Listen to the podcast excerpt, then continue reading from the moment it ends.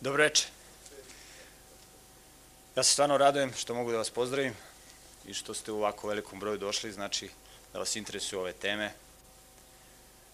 Iako ove teme nisu uobičajene i ovo nisu teme koje se, o kojima se govori u gradu i na javnim mestima u našoj zemlji i šire. I drago mi je što postoje ljudi koji smatraju da su ove teme važne kao što ja smatram da su važne. I ja se trudim da ove teme što bolje proučim i da ih što bolje analiziram i trudim se da ih što bolje interpretiram. Ali ono što je važno to je da bi vas pozvao da, da proveravate sve ovo što ja pričam. Da ne budete ljudi koji slepo veruju, nego da analizirate, da proveravate. Zato što ja ovde iznosim činjenice. Ja sam vas na početku ove serije pozvao da budete porota. Da budete ljudi koji će da vagaju, koji će da mere, koji će da analiziraju, da propuštaju kroz gusto sito sve, sve činjenice koje se iznose i da onda valorizuju i da iznose zaključke, zaključke koji će biti na čvrstim osnovama. Mi smo se u dosadašnjim predavanjima uglavnom bavili prošlošću. Analizirali smo događaje iz prošlosti, pokušali da ih rekonstruišemo. Zato što su događaje iz prošlosti veoma, veoma važni. Veoma važni. I zahvaljujući tome što znamo šta se dešavalo u prošlosti, mi možemo da rekonstruišemo budućnost. I kao da je prošlost ključ za sadašnjost i ključ za budućnost. Jedan geolog je rekao da je sadašnjost ključ za prošlost. Međutim, ja bih rekao da je prošlost ključ za sadašnjost i za budućnost. I videli, I videli smo šta se dešavalo u prošlosti. A sada ćemo pokušati da uđemo u budućnost. Da vidimo šta se nalazi iza zavese. Šta se nalazi sakriveno od očiju ljudi koji ne proučavaju, koji analiziraju? Ono što je važno, to je da tvorac u spisima koji je poverio jedan, jednom narodu, kaže da on želi da mi nemamo nikakvu neizvesnost. On kaže neka se ne plaši srce vaše. Ja ću da vas obavestim, ja ću, ja ću sve da vam kažem. Ja vas neću ostaviti na ovoj planeti smrti. I on kaže, I kada bi majka zaboravila porod svoj, ja tebe neću zaboraviti, ja tebe neću ostati. Ja sam vrlo zainteresovan za svaku ličnost. I on se bori za svaku ličnost. I on želi da mi znamo šta će biti. I on je jednom narodu, za koga kaže da je njegov prvenac među narodima, dao jedno otkrivenje i dao praznike. I dok drugi narodi praznuju događaje iz prošlosti, ovaj narod praznuje događaje koji će da se dese događaje u budućnosti, događaje važne za budućnost, za svetlu budućnost. Iako mnogi misle da je budućnost tamna i crna, budućnost je svetla. I mi treba da analiziramo događaje vezane za budućnost i da ćemo da je budućnost svetla. Međutim, kao da je potrebno da prođu neke porođajne muke. Znate, žena koja se porađa, nju je teško, ali kada na svet dođe dete, onda, onda ona zaboravi sve one, one muke. Tako i planeta Zemlja mora da prođe kroz jedan period, kroz jedan težak period. Nažalost. Ali ljudi su izabrali to što su izabrali i planeta Zemlja mora da prođe kroz jedan period. I tvorac je dao sedam praznika, praznika koji obeležavaju važne događaje vezano za plan spasenja, za rešenje problema smrti. I mi smo govorili o tome. I kada otvorite prve stranice jevrijskih spisa. Mojsije kaže da je tvorac svetlost nazvao dan, a tamu nazvao noć. Dakle, svetla faza dana, tako da kažemo, je dan. A tamna je noć. I prilikom šest dana stvaranja, tvorac je stvarao samo i radio samo tokom dana. Tokom noći on nije radio. I kada je bio na zemlji, tvorac je rekao, meni valja raditi delo onoga koji me posla dok je dan. Doće noć kada niko ne može raditi. Tako i godina. Tvorac je rekao kao da godina ima svoj dan i svoju noć. Iako dan počinje zalaskom sunca, zvanično, i završava se zalaskom sunca. Noć je pasivni deo dana. Dan počinje ujutru, kad se sve budi, kada sunce izlazi. To je taj aktivni deo dana. Tako i godina. Godina ima svoju noć, svoj pasivni deo. To su jesen i zima. I na početku dana gledano s aspekta godine, na proleće. Tvorac je dao četiri praznika. Četiri praznika na početku dana, na početku ovog velikog dana, godine. Četiri praznika koji ukazuju na prvi deo njegovog plana spasenja. Koji ukazuju na njegov prvi dolazak na planetu Zemlju, kada je on došao na planetu Zemlju kao beba, kao čovek, kao nevino jagnje, kako kaže, kako kažu spisi, kako kaže istorija. Međutim, približava se kraj dana, kada će na kraju dana tvorac da reši problem koji postoji na planeti Zemlji. I za kraj dana, tog velikog dana, za kraj godine, za kraj tog dugog vremenskog perioda, 6000 godina smrt i zlo hareju na zemlji. Na kraju 6000 godina, odnosno na kraju ove godine, na jesen, tvorac je dao tri praznika koji ukazuju na poslednje događaje na planeti Zemlji. I tri poslednja praznika, tri jesenja praznika, ukazuju na te događaje. Dakle, to su događaji koji će da se dese. Mi smo videli da su se prolećni praznici ispunili u dan. U dan. Isto tako i jesenji praznici će se ispuniti u dan. Zato je potrebno da poznamo biblijski kalendar i zato je potrebno da poznamo proročanstvo. I prvi praznik, prvi jesenji praznik, zove se praznik truba. Tvorac je kazao, a sedmoga meseca, prvi dan, da imate sabor sveti, to vam je trubni dan. Dakle, prvi dan sedmoga meseca. Sedmi mesec prema biblijskom kalendaru pada na jesen. Ove godine, prvi dan sedmoga meseca bio je 10. septembar. Međutim, mi smo rekli da meseci, prema onome kako je Bog rekao, traju od mladog do mladog meseca. Iduće godine će on pasti u neki drugi dan. Ali ono što je bitno, iz nebeske perspektive, prvi dan sedmoga meseca je trubni dan. Toga dana, prvoga dana, sedmoga meseca, već više od 3.500 godina, trubile su trube, trubile su trube po celom Izraelju i najavljivali najstrašniji dan koji će uslediti samo 10 dana nakon trubnog dana. Dakle, prvoga dana sedmog meseca, trube, trube u Izraelju i najavljuju deseti sedmi, drugi praznik, najstrašniji dan, o kome ćemo mi sutra detaljno govoriti. Dan očišćenja. Dan kada se više žrtve ne mogu prinositi. I trube su trubile deset dana. I to su bili jamim noraim na jevreskom ili dani straha.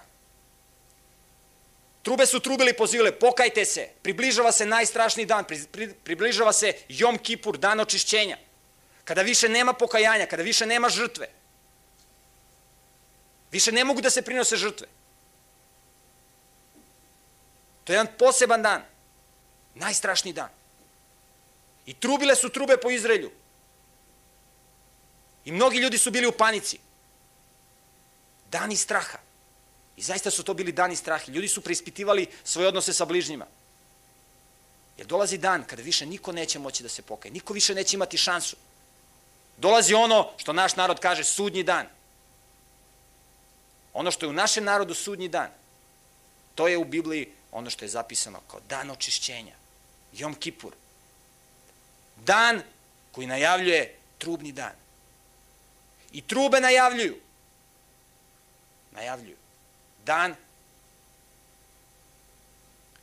kada će tvorac doći da reši problem smrti na eksperimentalan način.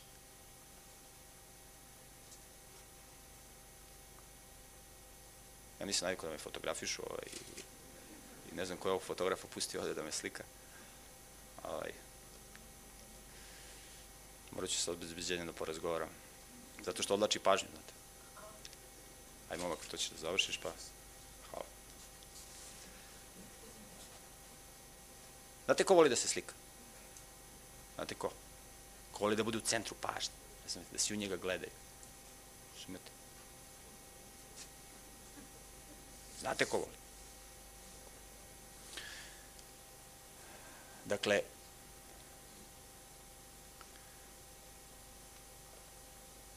nije bitno šta će novine da zapišu. Šta će da zapišu mediji. Postoji jedna knjiga koju govore jevrijski sveti spisi, koja se zove Knjiga života. To je knjiga koja postoji. Znate? I tvorec je rekao da postoji na nebu knjiga života. I svi ljudi, svi ljudi su onog trenutka kada je Mesija dao otkup, kada je platio, svi ljudi su na planeti Zemlji upisani u knjigu života. Svim ljudima je dato pomilovanje. I to napominje trubni dan. To napominje trubni dan. Svima je dato pomilovanje. Međutim, postoji mogućnost, o tome govore sveti spisi, da ljudi budu izbrisani iz knjige života. I tvorac je rekao da postoji mogućnost da, da pojedinci budu izbrisani iz knjige života. Nažalost, to neće biti pojedinci. To će biti puno ljudi. Dakle, bitno je da naše imena budu zapisane u knjizi života. Razumete? Mi smo govorili o, o jevrijskim spisima. I tvorac je rekao da neće faliti ni jedno slovo, ni jedna titla. Znate kako se završavaju jevrijski spisi? Znate kako glase poslednji stihovi jevrijskih spisa? Čitajte otkrivenje, poslednju knjigu Biblije. Bog kaže, ako neko dometne, ako neko doda nešto ovim spisima koje sam ja otkrio, kaže Bog, ja ću na njega dodati sva zla napisana u ovoj knjizi. Čitajte kako se Bog obračunava sa, sa, sa neprijateljima. Čitajte. U Bibliji piše, strašno je upasti u ruke Bogu živome. Strašno. Ako ko dometne, ako neko se usudi da doda onome što sam ja kazao, kaže Bog. I onda dalje kaže, a ako neko oduzme nešto od ovoga što sam ja zapisao ovde, ako neko oduzme od prorošta knjige ove, oduzeće Bog njegov deo iz knjige života. Bog će izbrisati njegovo ime iz knjige života. Ko se usudi da dirnu otkrivenje. Znate kakvi danas postoje falsifikati? I šta se danas sve laže? Ali tvorac je pokazao, i matematički, istorijski, kako god hoćeš, da su, da su njegovi spisi apsolutno autentični. Zato je potrebno da, da mi budemo zapisani u toj knjizi. Razumete? Ali mi ćemo tu knjigu biti zapisani bez velike pompe, bez bliceva. Razumete? Bez bliceva. Zato treba da budemo ozbiljni. I trube su trubile i pozivale ljude da se približava dan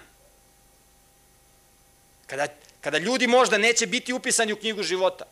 Pokajte se, ozbiljite se, dolazi najstrašniji dan. Dan očišćenja. I trube, trube. Zašto je to važno? Zašto je to važno za nas? Da znamo. Zašto je još pre 3.500 godina uspostavljen ovaj praznik? To je vrlo važna poruka za nas. Trube, trube najavljuju strašan dan. Kada će Bog definitivno da reši problem. I u prošlosti su trube trubile. Bog je pokazao kako on deluje koristeći trube. On je pokazao kako on deluje. I kakva je simbolika truba. I mi ćemo to detaljno da analiziramo večeras. Vidite, postojala su tri slučaja kada su trube trubile u Izraelju. Tako je Bog zapovedio. Koja su to tri slučaja? Trube su se u Izraelju koristile kada su ljudi bili pozivani u rat. Dakle, Bog kaže okupi vojnike, idemo u rat. Idemo u rat. Bog je vodio brigu o svom narodu. Bog je branio svoj narod. Dakle, trube su pozivali, ljudi su dolazili, išlo se u rat. Drugi put, kada se krunisao car, krunisanje novog cara. Takođe trubile su trube u Izraelju i svi su to mogli da čuju i da znaju. I konačno, sazivanje zbora pred gospodom. Mi smo govorili o tome da su tri praznika postojala, kada su svi jevreji morali dođu u Jerusalim, ali postojali su i drugi sabori. To, je bilo, to su bile iznimke kada je Bog odlučivo i rekao sazovi ceo Izrael. Naprimjer, kada je otpad, kada je nemoral. I Bog kaže sazovi sav Izrael. Imam ja s njima da, da, da razgovaram. Ja s njima da popričam. I on kaže Mojsiju ili kaže onome ko je predvodio Izraelice. Dakle, trubile su trube. Pazite, ovo su vrlo važne stvari. Zašto su ovo važne stvari? Za nas. Prvo, praznik koji će da usledi, praznik truba. Praznik koji ukazuje na važan događaj. Kada trube zaista budu trubile na planeti Zemlji. Jesu trube kada Bog bude krenuo u rat. Bog će da vodi rat. I trube će da trube na planeti Zemlji. Kada Bog bude vodio rat. I Bog se sprema za rat. Razumete? Bog ima neprijatelja ovde na zemlji. On ima svoje, on ima prijatelje, ali on se sprema za rat. Tako da su ove trube jako važne. Dalje, krunisanje novog cara. Znate ko je car danas na planeti Zemlji? Car danas na planeti Zemlji je Sotona. To je, to je lično Bog rekao. Čitajte izvešte. Hristos kaže, Sotona je knez ovoga sveta. Zašto? Pa zato što su ga ljudi izabrali. Ljudi su dobrovoljnim glasanjem izabrali njega. Oni hoće Lucifera, oni hoće Sotonu. Ali, ali, ali Hristos kaže, ja sam car univerzuma. Na planeti Zemlji, u jednoj mikrosovskoj maloj tački u univerzumu, došlo do pobune. Ja ću da rešim tu pobunu. Ja ću da rešim tu pobunu. Ali ja moram da čekam. Ja moram da čekam zato što postoje još neki ljudi koji nisu stali definitivno na stranu pobune. I zato on čeka. I mi ćemo vidjeti dok će on da čeka. Njegovo strpljenje je pri kraju. Mi smo na kraju. Na kraju istorije. Na kraju onoga što se zove vreme milosti. Mi živimo sada u vreme milosti, Bože milosti. On trpi, on je milosti. On dopušta da mi radimo šta hoćemo. Dakle, doće do toga da će biti krunisanje novog cara. Ko će biti novi car? Čitajte. Bog će biti ponovo car na planeti Zemlje. On je oduzeo carstvo Sotoni. U pravnom smislu reči. Time što je zadovoljio zahteve zakona. Ali on će uskoro doći to da verifikuje. On će to doći i da zvanično učini, da, da uradi. Da se kruniše. On je car univerzuma, ali nije car jedne tačke u svemiru, a to je planeta Zemlja. On će uskoro doći da se kruniše. I on je to obećao. I konačno, sazivanje zbora pred gospodom. Svi oni koji njega hoće, bit će sazvani i okupljeni da budu sa svojim ocem, sa svojim tvorcem. To će biti veliki zbor. I o tome možete da čitate u spisima. To će biti jedan, jedan, jedan fenomenalan događaj. Kada se deca okupe oko svoga oca, oko svog pravog oca. Veliki zbor. Veliki zbor ljudi. I trube najavljuju taj događaj. Ono što je važno jeste da je Bog obećao Adamu, prvom čoveku, on je njemu obećao i njegovom potomstvu, koje bude htelo da poštoje moralni zakon, on je njima obećao ovu planetu Zemlju. I ova planeta Zemlja je obećana Zemlja. Zapazite, Obećana zemlja svima onima koji hoće da poštuju moralni zakon, koji hoće da žive u zajednici sa Bogom, koji, koji hoće da poštuju nebeska čela, ova zemlja je obećana. Dakle, ova zemlja je obećana, Bog ju je obećao. To je važno zato što je jednom u prošlosti Bog takođe obećao jednu zemlju. Bog je Avramu, jednom ozbiljnom čoveku, obećao i rekao, Avrame, među ovim ljudima neznabošcima, paganima, Ti si izdržao da budeš pošten i moralan. Ja ću od tebe da napravim jedan veliki narod. Izraelski narod koji će biti videlo. I ja ću tom narodu da dam obećanu zemlju. I on je obećao tome narodu zemlju. Tadašnji Hanan, danas, današnju Palestinu ili kako se danas zove Izrael. I on je njima obećao zemlju, kao što i Adam obećao. I njegovom potomstvu koje bude htelo da stane protiv pobune koje bude htelo da prihvati moralni zakon. I zato ćemo sada da analiziramo, da vidimo kako je Bog u prošlosti zauzeo obećanu zemlju, kako je on svom narodu dao obećanu zemlju. Jer kad budemo videli kako je Bog zauzeo obećanu zemlju jednom u prošlosti, onda ćemo znati kako će Bog zauzeti obećanu zemlju Adamovim, Adamovom pokolenju. Kada su jevreji izašli iz Egipta kao robovi, Oni su izašli iz Egipta, oni su bili robovi i postali su slobodni. I oni treba da uđu u obećanu zemlju. Međutim, u obećanoj zemlji žive narodi ratnički raspoloženi, divlji, nemoralni, spremni na, na najstrašnije gadosti. Ista je situacija danas na planeti Zemlji. Tvorac hoće da dođe po svoje. Međutim, ovde na planeti Zemlji se ne zna šta se radi.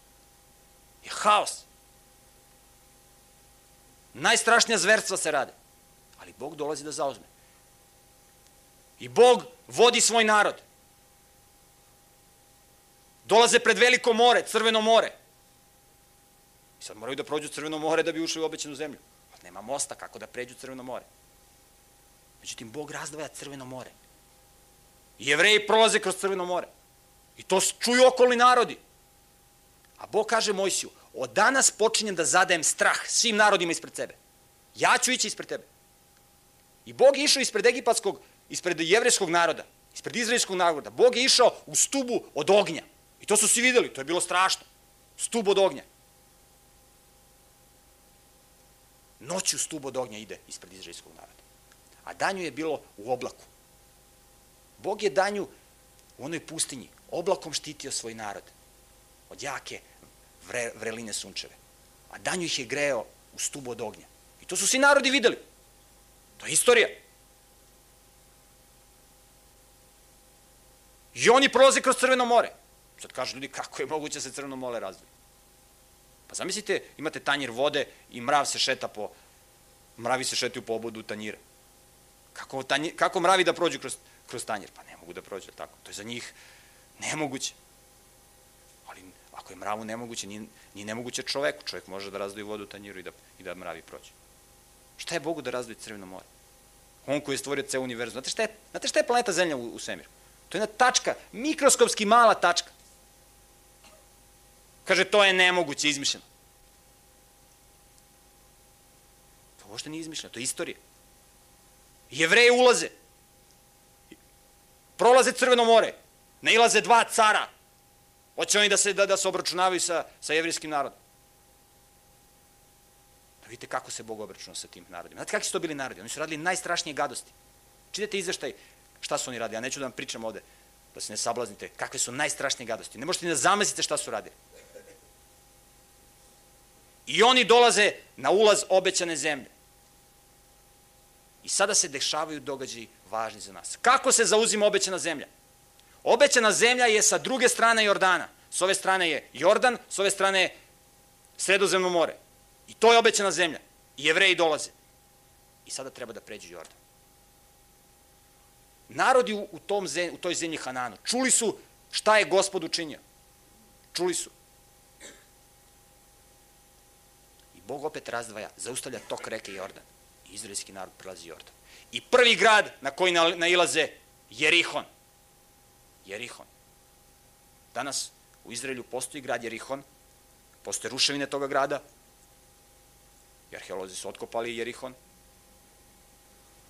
I oni dolaze pred Jerihon. Veliki grad, utvrđeni grad, neosvojiv grad na prvi pogled. I sada Bog kaže tadašnjem vojskovođi, tadašnjem poglavaru, da tako kažemo, predvodniku jevrijskog naroda, Isusu Navinu, Mojsije je bio umro. On njemu kaže, sada mi zauzimamo obećanu zemlju kao što sam ja obećao. A sada pazite metodologiju kojom ćemo da zauzmemo obećanu zemlju. On kaže Isusu Navinu. Nećete vi da zauzmete, nego ću ja da zauzmem. A vi ćete da uđete. Dakle, ja zauzimam, a vi ulazite. Pazite, jevrijski narod, nije on bio mnogo veliki. Znate kakvi su bili ovi okolni narodi? To su bili narodi, milioni ljudi je tu živelo. Naoružani sa konjima, sa kolima, strašnim. Jevreji, narod zemljoradnje, poljoprivrede, stočarstva.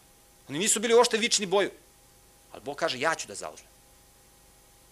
I sad slušajte metodologiju. Kaže Bog ovako Isu Navinu. Sada ćemo da zauzemo Jerihon. Zauzimamo obećanu zemlju, počinjemo. Metodologija je sledeća. Uzet ćete kovčeg u kome se nalaze ploče sa Božim zapovestima. Sa Božim zapovestima, sa zapovestima moralnog zakona. I oni će ići ispred vas. Dakle, moralni zakon, pravda i poštenje. Moralnost.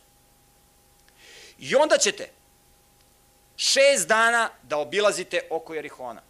Prvi dan ćete da napravite jedan krug, ali dok budete obilazili Jerihon, trubit ćete u trube. Bog kaže, trubit ćete u trube. Trubljenje u trube označit će zauzimanje Jerihona i obećane zemlje. Šest dana ćete da trubite u trube, a sedmoga dana ćete sedam puta da trubite u trube. I sad, Isus Navin Kaže, u redu, gospode. On verovatno nije razumeo poruku koju Bog hoće da saopšti. Ali on kaže, nema problema, gospode. I sveštenici nose kovčeg, a svi Izraeljici idu iza kovčega. I trube u trube. I prave krug oko Jerihona. I onda se vraćaju u svoje šatore. I sad ovi u Jerihonu gledaju šta je ovo. Ovi neznabošci, ovi koji su živjeli tamo, ne znaju šta je kakve trube, šta je ovo. Sutradan opet ujutru ide kovčeg zaveta, jevreji obilaze Jerihon, trube u trube. tako šest dana. Pre zauzimanja Jerihona, Isus Navin, vođa izraelskog naroda, kaže dvojici svojih sunarodnika, uđite u Jerihon. Uđite u Jerihon da vidite kakav je to narod tamo. Šta oni rade. Bićete uhode, vas dvojica budite uhode, uđite unutra pa proverite šta se tamo radi. Međutim, ljudi u Jerihonu su čuli da se, jevrijsk, da se izraelski narod približava Hananu i da je Bog obećao da će da zauzme Hanan. I čuli su da je Bog razvojio Crveno more. I šta je sve uradio? Jedna žena koja je živela u Jerihonu, zvala se Rava, bila je nemoralna, bavila se prostitucijom, ona je videla ova dva jevrina. I ona ih je videla. Ali ona se toliko plašila, toliko se bojala ili je čula šta, šta je Bog uradio. I ona se obraća ovoj dvojici jevreja. I sakriva ih ko sebe u kuću. I kaže im, slušajte šta kaže Rava ovoj dvojici. Znam da vam je gospod dao ovu zemlju, jer nas popade strah od vas. I prepali su se od vas svi koji žive u ovoj zemlji. Kaže ona, znam. Pazite, i ljudi danas na planeti Zemlji znaju da se približava sudnji dan. Samo mnogi neće da priznaju. Ova žena je bila, ova žena je bila iskrena, bez obzira koliko je bila nemoral i kakve je grehe gajila. Ona kaže, ja znam. I mnogi ljudi znaju kakav će im biti kraj. Kaže, znam. Jer čusmo kako je gospod osušio pred vama crveno more i šta ste učinili od dva cara morajska koje pobiste. Čusmo. I ljudi danas na planeti Zemlji znaju kako je Bog delao u istoriji. Mnogi ljudi znaju. Pogledajte fosile, groblja fosila. Pogledajte slojeve stena. Groblja gde god se okrenete. Znaju ljudi kako je Bog intervenisao u prošlosti. I ljudi u Jerihonu, neznabošci, pagani, znali su. I ona to kaže. Mi znamo. Ona žena je znala. Žene su bile ograničene na kuću. Ali ona žena ipak zna. A zamislite kako su tek muškarci znali. Kako su se oni bili prepadali. Kaže, čusmo i znamo šta ste učinili. I kad to čusmo, rastopi se srce naše i ni u kome o name nemaju našta od straha vašeg. Rastopi se srce. To su ti dani straha koji su pred nama koji su bili tada pre zauzimanja obećana zemlja. Rastopi se srce u nama. I nema junaštva od straha vašega. Zašto? I slušajte šta kaže ona. Jer je gospod Bog vaš, Bog gore na nebu i dolje na zemlji. Svi pagani će jednoga dana i svi oni koji krše morali zakon priznati ko je tvorac. Svi. Svi. Samo što će za mnogi biti kasno. Za mnogi će biti kasno. I uhode izlaze iz Jerihone, dolaze kod Isusa Navina. I, obavešt, obaveštavaju Isusa Navina o Jerihonu. I šest dana jevreji obilaze Jerihon i duvaju u trube. Trube, trube u Jerihonu, oko Jerihona. A sedmoga dane, kaže gospod, sedam puta ćete da trubite, sedam krugova. I kad, na, kad završite sedmi krug, onda povičite i sve glasa i srušit će se zidovi Jerihonski. Ja ću da srušim zidove Jerihonske. I onda svi ti pagani, svi ti neznabošci će morati da budu uništeni. A jedini koji će se sačuva u tom Jerihonu, bit će ta rava, ta kurva, ta prostitutka, koja je promenila svoj način života. U zadnji čas je promenila. Ona se okrenula na drugu stranu. I Bog ne gleda kakvi smo mi u ovom trenutku. On gleda kakvi, kakvi ćemo biti u sledećem trenutku. On želi da dođe do promene u našem, u našem životu. Dok ima vremena. Dok ima vremena. I se, šest dana jevreji trube u trube obilaze Jerihon. I sedmoga dana, sedam puta obilaze Jerihon. I onda viču i sve glasa. Ruše se zidovi Jerihonski. I oni ulaze i uništavaju kompletan narod u Jerihonu. Možda će neko da kaže, to je surovo. To je surovo. Jer Bog je rekao da se sve pobije. Sve. A čitajte izveštaj. Bog kaže, nemoj, kaže, ako bi u Izraelju bio ko, da legne sa svojom majkom, da se pogubi. Da legne sa svojim ocem, da se pogubi. Da legne sa životinjom, da se pogubi. Ako se nađe homoseksualac, da se pogubi. Kako, zašto to priča Bog Mojsiju? Kaže, ako bi neko uzeo svog sina i prineo ga na žrtvu i ognjem spalio, prineo na žrtvu Sotoni, kaže da se pogubi. I najstrašnije gadosti Bog nabraje Mojsiju. Mojsiju nije ni čuo da, da, da, da tako neko nešto radi, verovatno. A zašto Bog to kaže Mojsiju? Kaže, zato što ove gadosti rade ovi narodi, koji ću ja da istrebim. Zašto se to isto danas ne radi na planeti Zemlji? Isto to se radi na planeti Zemlji. Najstrašnije gadosti. Zato će takvi ljudi da budu istrebljeni. Kao stoka koja se vodi na zaklanje, tako kaže Bog. Kao stoka koja se vodi na zaklanje. I Bog govori, kada analizirate jevreske spise, ono što je zapisivo jevrijski prorok Pavle, on kaže da postoje četiri grupe ljudi. Četiri grupe ljudi. I kada čitate originalni tekst na grčkom jeziku, postoje termini. Naprimer, pneumatikos. Pneumatikos su ljudi koji imaju zajednicu sa Bogom. To su ljudi koji, koji imaju duhovnu komponentu. Koji imaju duhovnu komponentu. Onda postoje psihikos, ljudi, ljudi koji se lome. Ljudi koji nisu ni tamo ni vamo. Onda postoji sarkinos, to su ljudi hedonisti, koji žive po principu jedi, pi, veseli se. Ne interesuje me šta će biti sutra. Međutim, apostol Pavle kaže da postoji jedno još gore stanje od ovog sarkinosa, a to je sarkikos, razliku u jednom slovu. Životinski čovek. Čovek koji funkcioniše samo prema instinktima. Kao životinja. Seks i hrana, ništa drugo. Potpuna telesnost. Kao prepotopni ljudi. Kao prepotopni ljudi. I on kaže, takvi ljudi će biti kao stoka koja se vodi na zaklanje. Znate vi kad vodite jednog vola na klanje, on ne zna gde ide. On ne zna. On zna samo da ode u detelinu, da da pase i, i razumete. On nema. On nema tu komponentu koju, koju, koju je tvorac dao čoveku. Razumete? Čovjek se razlikuje od životinja po tome što ima više strukture mozga. Životinje imaju samo niže strukture mozga. Čovjek ima i niže i više strukture mozga. I zato za čoveka važi moralni zakon. Znate? Zajednice koje u koje se udružuju životinje su krdo, čopor, jato, roj.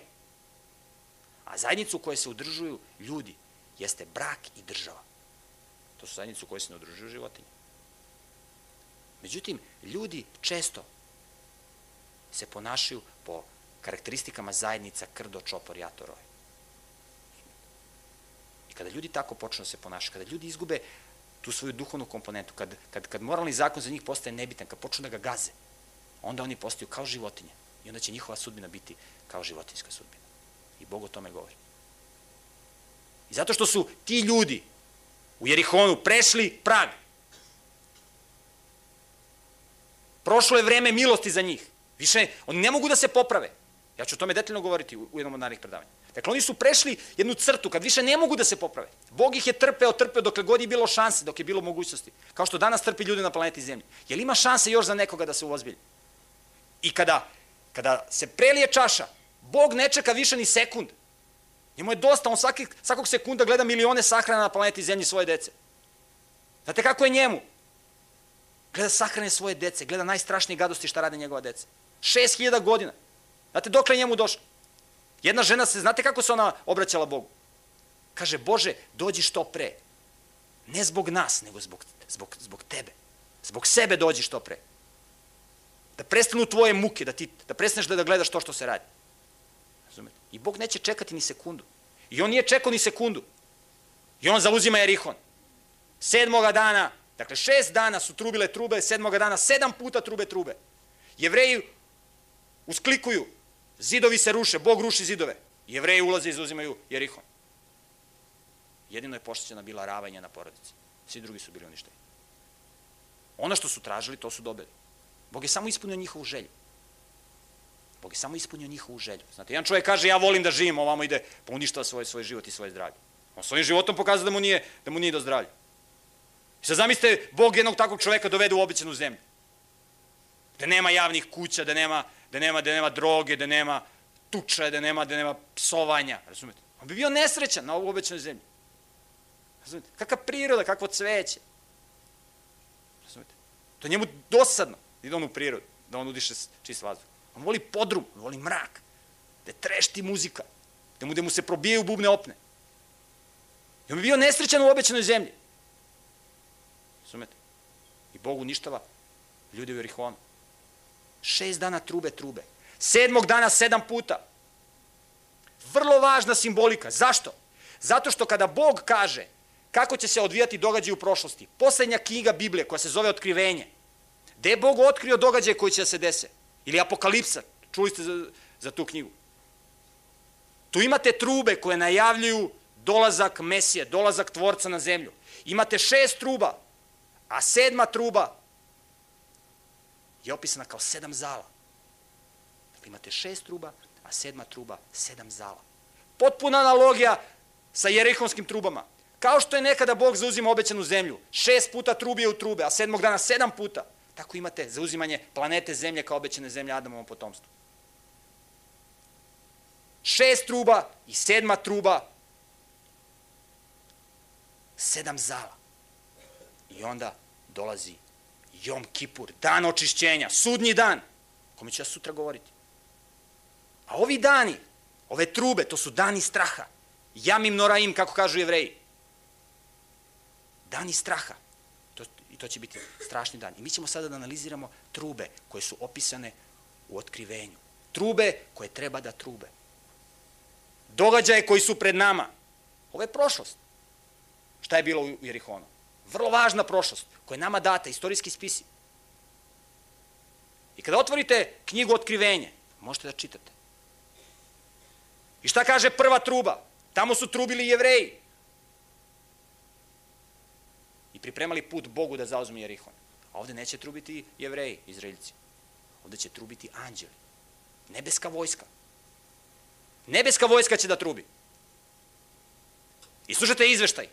Čitat ćemo izveštaj i detaljno ga analizirati. Događaji koji su pred nama. Ovo je budućnost. Ovo što sada budemo govorili, to je suva budućnost.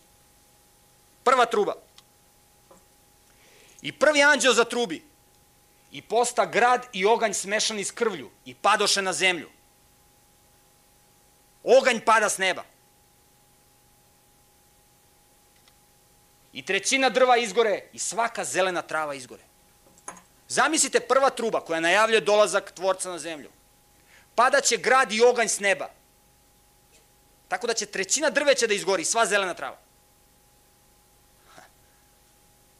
Vidite ovo kad pročitate.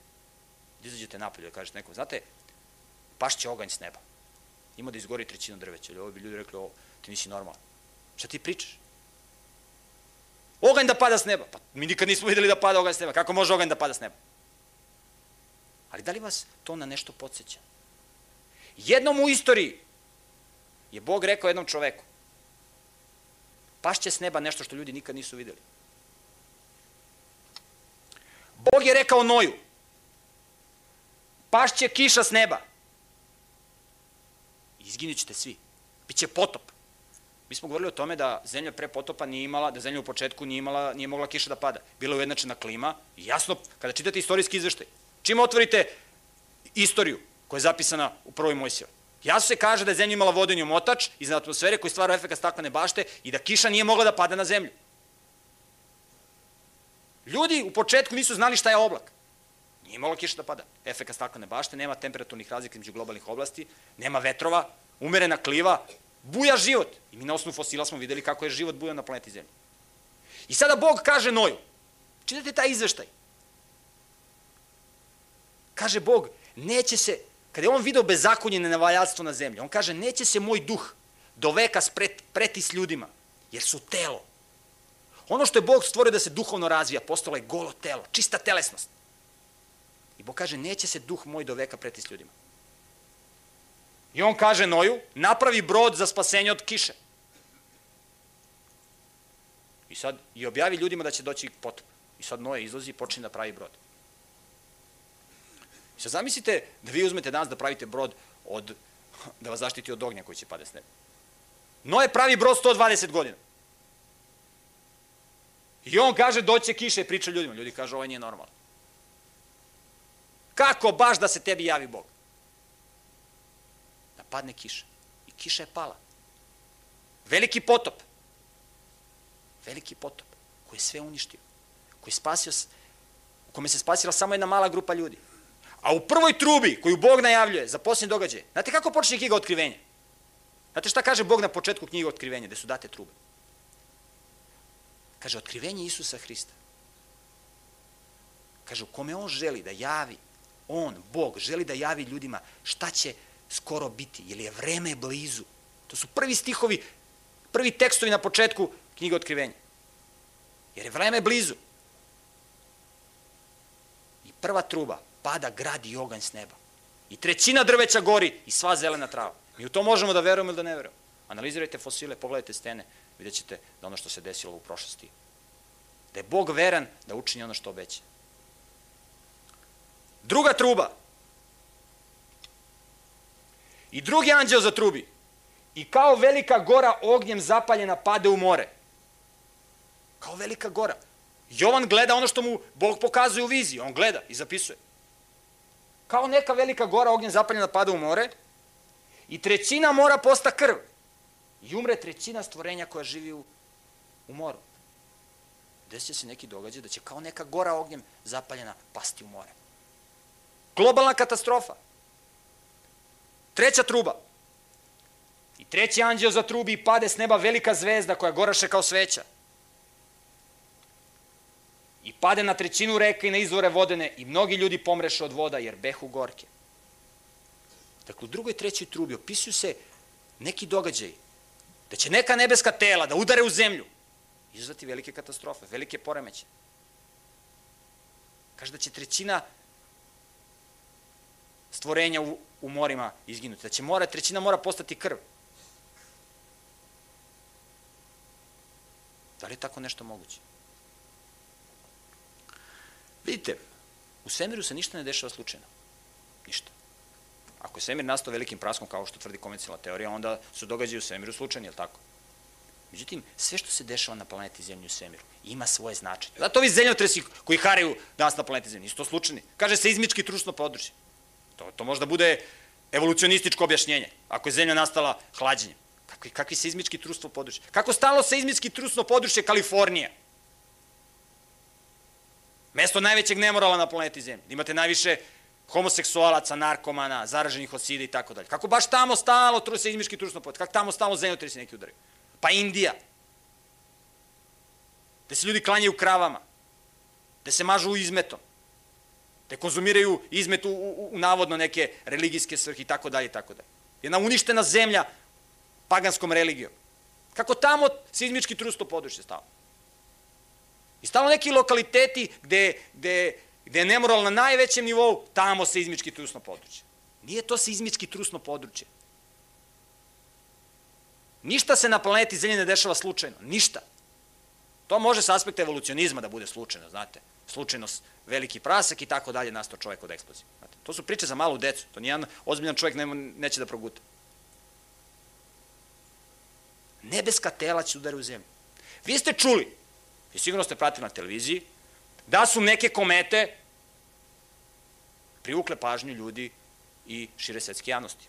Naprimjer, jedna od poznatih kometa bio je Shoemaker Levi. To je jedna kometa koja se rasprsla. Ja sam govorio u jednom prethodnih predavanja o Halevoj kometi i njegovom značenju. Ova, ova kometa Shoemaker Levi se rasprsla i astronomi su je videli preko teleskopa. I videli su da se ona približava Jupiteru, jednoj velikoj planeti u sunčevom sistemu. I oni su tačno izračunali da će ovaj Šumeker Levi da udari u Jupiter. Pazite, da li je ovo slučajan proces? Pazite, ništa se ne dešava slučajno. Ako postoji tvorac, ako postoji Bog, onda postoji razlog zašto su astronomi videli Šumeker Levi. Onda postoji razlog. Zašto su oni, zašto se Šumeker Levi pojavio? Verovatno ima neka poruka. Nije on sad on tako leti kroz svemir i sad se on rasprso, nikakva sila ne deluje njega. Ne, to je važna poruka da mi razmišljamo. Te komete koje fijuču. I oni su detaljno analizirali, stručnjaci u NASA. I Šumeker Levi se približava Jupiteru. Ljudi su tačno znali, izračunali kada će da dođe do udara ovog Šumekera u Jupiter. I detaljno su snimili. Ovo je planeta Jupiter, koji ima prečnik 12 puta veći nego što je prečnik Zemlje. Jedna mnogo veća planeta nego naša. I Šumeker Levi udara. Udara u Jupiter. Detaljno se snima. Kakve su bile posledice ovog udara? Katastrofalne. Pogledajte kratere na Jupiteru. Pazite, Jupiter je po prečnik, njegov prečnik je 12 puta veći od naše. Da je Šumeker levi udario u zemlju,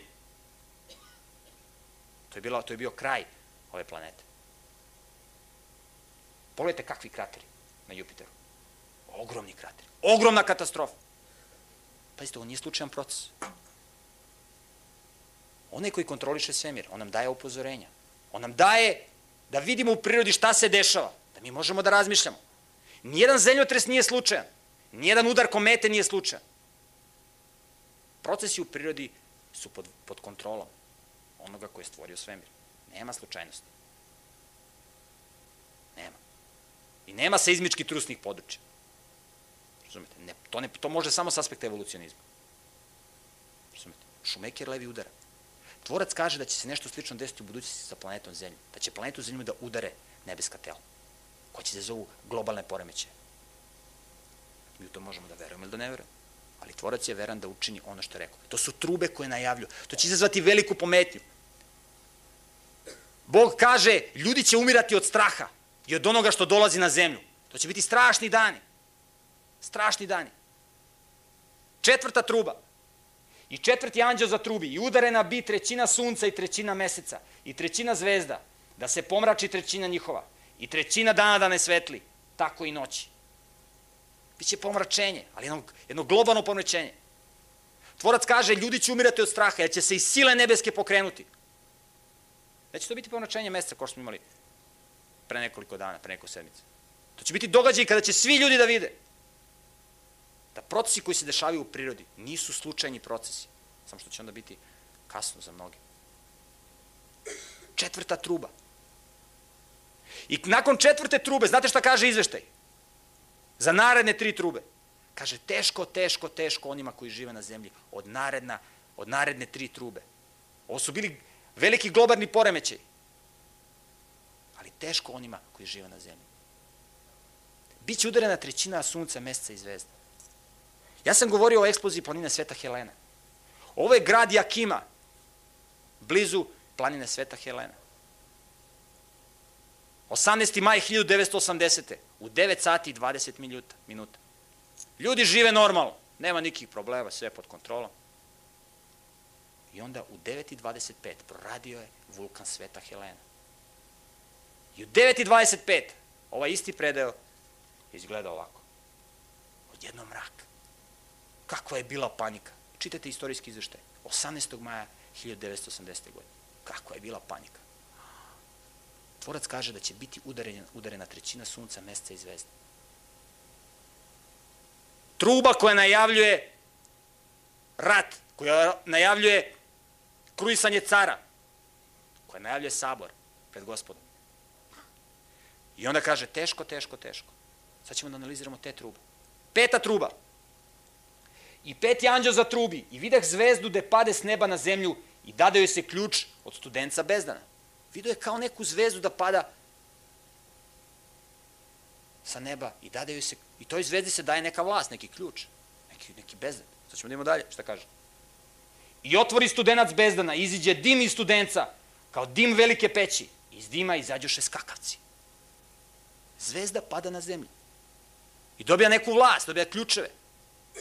Da pusti skakavce. Skakavce na zemlju. O čemu se ovde radi? Kada čitate biblijski izveštaj, vidjet ćete kada Bog govori o proročanstvima, on kaže, ovih sedam zvezda koje si vidio, to su sedam anđela. Sedam anđela. Pa onda kaže da je Sotona jednu trećinu zvezda nebeskih povukao sa sobom. Anđeo je u Bibliji simbol, simbol a zvezda je simbol anđela. Zato kaže za Sotonu, kako pade s neba zvezdo danice, kćeri Zorina. Anđeo. Anđeo je simbol, zvezda je simbol za anđela. Anđeo je simbol za zvezdu, za nešto što svetli. Dakle, jedan anđeo će pasti s neba. Hristos kaže, ja videh Sotonu da pade s neba na zemlju. Spisi kažu da je Sotona zbačen s neba. I on se nalazi na zemlji. I kaže, videh zvezdu koja je pala s neba na zemlju. Dade joj se vlast. Dade joj se ključ od studenca, bezdana. Bezdan je provalija tama najveća. Iz tog bezdana Izlaze skakavci. Znate šta su skakavci? Skakavci kad najđu, oni sve pustoša pred sobom. I onda se ti skakavci opisuju. Čitate izveštaje. Kaže, kao vojnici spremni na boj. Kaže, imaju kose kao kose ženske. Zube kao zube lavova. Nemaju zube, nemaju zube kao, kao lavi. Nego kao lavovi. Nemaju oni velike zube, ali liči na njih. Imaju oklope kao oklope gvozdene. Simbolika. Skakavci. Kada čitate knjigu proroka Jojla, znate šta tamo kaže? Trubite u trubu na Sionu, vičite na svetoj goroj mojoj, neka drhću svi stanovnici zemaljski, jer ide dan gospodnje, ali blizu. Ide veliki narod, koji proždire sve pred sobom. Kaže, taj narod, kaže, penje se u zidove, ulazi kroz prozore, navire na mačeve, ali ništa i mač ne može. Možda pucate u njega, ništa mu ne možete. Kakva su to bića? To su duhovna bića. Ne možete vi mačem da ubijete anđela. Ko su ovi skakavci? Tekst dalje kaže da ti skakavci imaju nad sobom cara, anđela bezdana, koji se jevrijski zove Apolon, Avadon, a grčki Apolion. Jedno i drugo značenje znači razoritelj. Dakle, ovi skakavci imaju nad sobom cara, anđela bezdana, razoritelja. Mi znamo da je to Sotona. Dakle, ta zvezda koja je pala sa neba na zemlju, to je Sotona. A ovi skakavci, to su demoni. Kaže, oni će prepadati ljude pet meseci. Kaže, ljudi će tražiti smrt, a smrt će bežati od njih. Bog će dopustiti veliku nevolju na ljude. I opisuje se pet meseci trajanja ove pete trube, čitajte izveštaj. Kada će demoni, kada će demonima biti dopušteno da haraju, pet meseci. Kaže, svako će li, ljudsko lice prebledeti. To će biti strašno vreme, kada ljudi napokon budu dobili ono što su tražili. Međutim, kaže se takođe da će biti zaštićeni oni koji imaju Boži pečat. I mi ćemo o tome govoriti detaljno u jednom od narednih predanja. Određeni ljudi će biti zaštićeni. Oni koji su, oni koji su u ovim danima straha, koji su se pripremili, oni će biti sačuvani. Njih ove nevolje neće dotaći. I zašto kaže, hiljade će padati tebi s jedne strane i deset hiljada s druge strane, ali tebe se neće doticati. Strašno vreme strašno vreme. I onda kada čitamo izveštaj u otkrivenju, nalazimo na jedan vrlo važan, interesantan izveštaj. Tamo se kaže, potom videh, dakle, prorok gleda ono što mu tvorac govori za budućnost, potom videh četiri anđela, gde stoje na četiri ugla zemlje i drže četiri vetra zemaljska da ne duvaju vetar na zemlju, ni na more, niti na ikako drvo. Dakle, postoje četiri anđela koji drže neke vetrove. Vetrove nevolja, vetrove neseće. Kakvi su ovo vetrovi? U jevrijskom jeziku reč za vetar je ruah, a reči za duh je ruah. I Bog govori o tome da postoje duhovi nečisti, duhovi zlobe, mržnje, sto demoni, duhovi. Duhovi ili vetrovi, to je ista reč u originalnom tekstu. I kao da postoje četiri anđela koji zadržavaju ove demone, ove vetrove sukoba i neseće i zadržavaju ih. Zadržavaju. Međutim, u jednom periodu, kada bude zatrubila šesta truba, izveštaj kaže, čitat ćemo, i šesti anđel zatrubi i biše odrešen na četiri anđela. Dakle, ona četiri anđela koje drže vetrove sukobe su pušteni, koja behu pripravljena. Dakle, oni su sada otpušteni na sat, dan, mesec i godinu, da pobiju trećinu ljudi. Dakle, ova četiri anđela će pustiti vetrove da pobiju trećine, da dođe do uništenja trećine ljudi. I onda kada demoni opsednu ljude, šta se dalje kaže? I broj vojnika na konjima beše 200.000 hiljada. 200.000 hiljada vam je 200 miliona. 200 miliona vojnika. Kada, kada anđeli budu pustili vetrove sukoba, kada ljudi počnu da se kolju između sebe, kada vetrovi mržnje budu mogli da urade ono, ono što hoće, ono što žele. Kada demoni budu počeli da haraju, kada demoni ob, obuzmu ljude, to će biti strašno krvoproliće. Znate kakva danas postoji mržnja između naroda, između jednih i drugih naroda? Samo kad bi dobili oružje, samo kad bi ih pustili da se pokolju, kako bi se poklali. Pogledajte na utakmicama, na stadionima. Da nema policije. Oni mladići bi se istrebili bi jedni drugi. Oni, on, oni ne bi stali. Do zadnjeg, dok, dok, dok zadnji ne bi pao. Mladi ljudi, 17 godina, 15 godina. A zamislite odrasli, koji su se mnogo više iskvarili nego ovi od 17 godina. Znate, proces degradacije moralne koji traje, na primjer, 40 godina, 50 godina. Znate, kad vidite tamo nekog, nekog političara, starog, pa samo kad mu vidite oči, tamo ima bank, ima korporacije, samo kad, kad mu vidite lik, da čujete da bi mogo da vas pojede, da vas proguta, da bi u stanju da stisne dugme, da uništi celu planetu Zemlje. Ali Bog zadržava vetrove, ali u jednom trenutku ti vetrovi će biti pušteni. I trećina čovečanstva će biti uništena. Biće 200.000 vojnika koji će da ratuju. 200.000 vojnika je sasvim normalan broj prema broju stanovnika koji postoji na planeti Zemlji. Šesta truba. I onda sedma truba. Sedam zala. Čitajte taj izveštaj. Sedam velikih nesreća koje će pogoditi zemlju. Sunce će pržiti sedam puta jače nego sada. Kaže, ljudi će žvakati svoje jezike od bolova. Strašno. Čitajte. Čitajte otkrivenje. Da je sve otkriveno o budućim događajima. Sve. Trubite u trubu na Sionu, kaže Bog. Vičite na svetoj gori mojoj. Neka drhću svi stanovnici zemaljski, jer ide dan gospodnje jer je blizu. Kaže, ljudi će umirati od straha.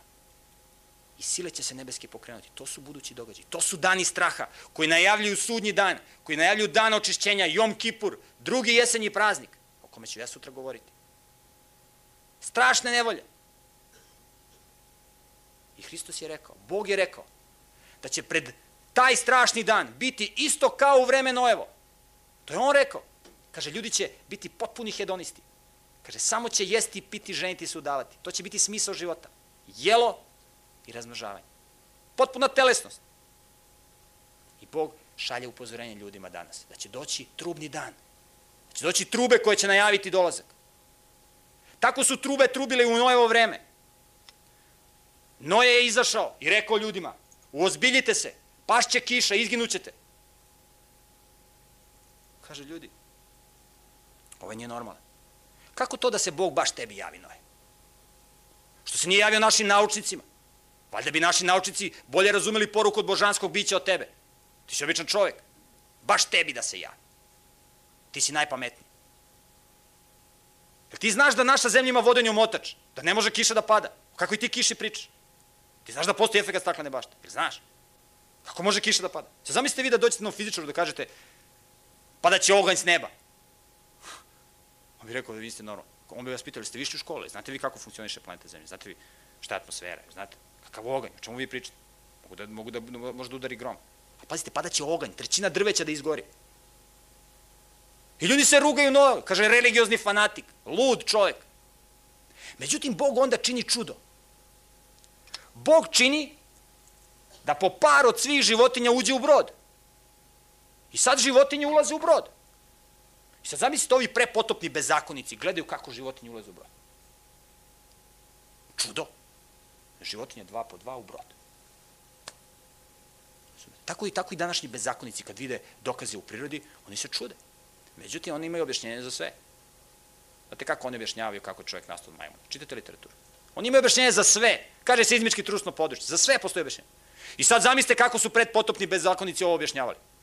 Pa ko zna, možda im je Noje uneo hranu, pa su osetile hranu, pa ulaze u brod. A možda su ostali da im je tamo toplo.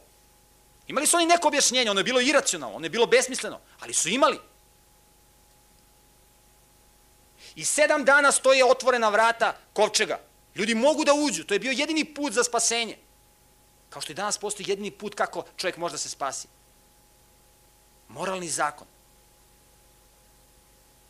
Da uđe u okrilje, u brod moralnog zakona.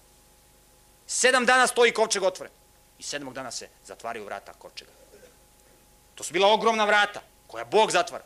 I sad ovi bezakonici gledaju, ogromna vrata se zatvorila. Opet su oni dali neko objašnjenje. Jer Noje nije mogo da zatvori to, tolika vrata. Imate dimenzije, sve piše u, u Mojsijim knjigama. Čitajte. Znači se znaju dimenzije broda. Oni se rugaju.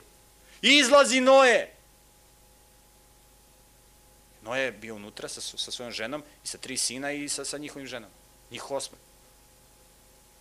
Prestani da maltretiraš te, tu jadnu decu i te žene.